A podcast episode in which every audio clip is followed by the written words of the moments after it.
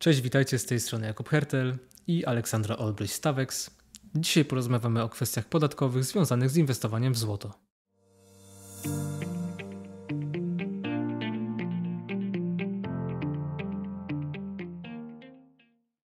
Olu, mamy do poruszenia tak naprawdę trzy podatki, czyli VAT, PIT i PCC.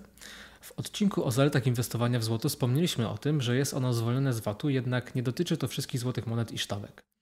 Mm, powiedz nam zatem, jakie warunki muszą zostać spełnione, e, żeby takie zwolnienie mogło mieć zastosowanie. Aby złoto mogło być e, zwolnione z podatku VAT, musi wpisywać się w definicję złota inwestycyjnego e, wynikającą z artykułu 121 ustawy o podatku od towarów i usług. Zgodnie z tym artykułem, jeżeli chodzi o sztabki złota, muszą one być próby co najmniej 995.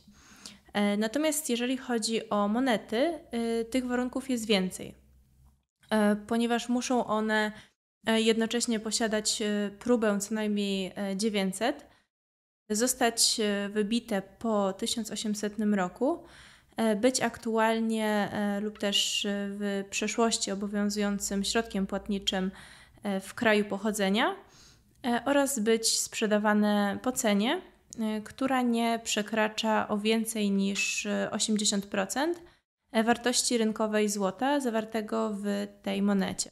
Czyli przy obecnej cenie za y, uncję złota oscylującą w okolicach 8200 zł, cena produktu nie może przekroczyć, tutaj powiem tak w przybliżeniu, 14,5-15 tysięcy złotych. E, samo zwolnienie z podatku VAT wynika z artykułu 122 e, wspomnianej ustawy i następuje niezależnie od tego, czy dokonujemy transakcji e, jako osoba fizyczna, czy też z poziomu działalności gospodarczej. To zwolnienie nie obejmuje złota w postaci nieobrobionej, na przykład granulatu złota, jak również złotej biżuterii. E, takie produkty są obciążone 23% e, e, stawką VAT. A jak wygląda inwestowanie w złoto, jeżeli chodzi o podatek dochodowy? To znaczy, mm, kiedy i czy w ogóle jesteśmy zobowiązani do jego odprowadzania? W myśl ustawy o podatku dochodowym osoby fizyczne, które nie prowadzą działalności gospodarczej i zdecydują się na sprzedaż złota inwestycyjnego po upływie pełnych 6 miesięcy licząc od końca miesiąca, w którym nastąpiło nabycie, nie muszą uiszczać e, podatku do Urzędu Skarbowego.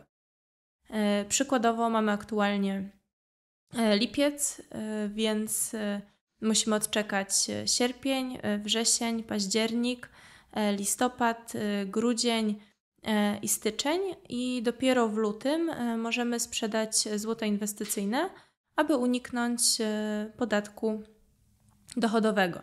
Jeżeli złoto sprzedajemy mm, przed upływem pół roku, to wówczas e, powstanie przychód z odpłatnego zbycia, mm, a tym samym taką e, transakcję e, należy uwzględnić w rocznym zeznaniu podatkowym. Jeżeli na złocie nie zarobiliśmy, E, to podatku naturalnie nie płacimy, ale i tak e, musimy to wykazać. No, biorąc pod uwagę, że złoto jest inwestycją długoterminową, raczej mało kto myśli o jego sprzedaży w ciągu 6 miesięcy, więc e, pod kątem podatkowym to naprawdę atrakcyjne rozwiązanie. Na zakończenie powiedz nam proszę, jak wygląda kwestia PCC, czyli podatku od czynności cywilnoprawnych.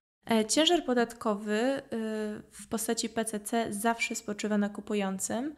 Występuje przy transakcjach powyżej 1000 zł i wynosi 2% e, podstawy opodatkowania.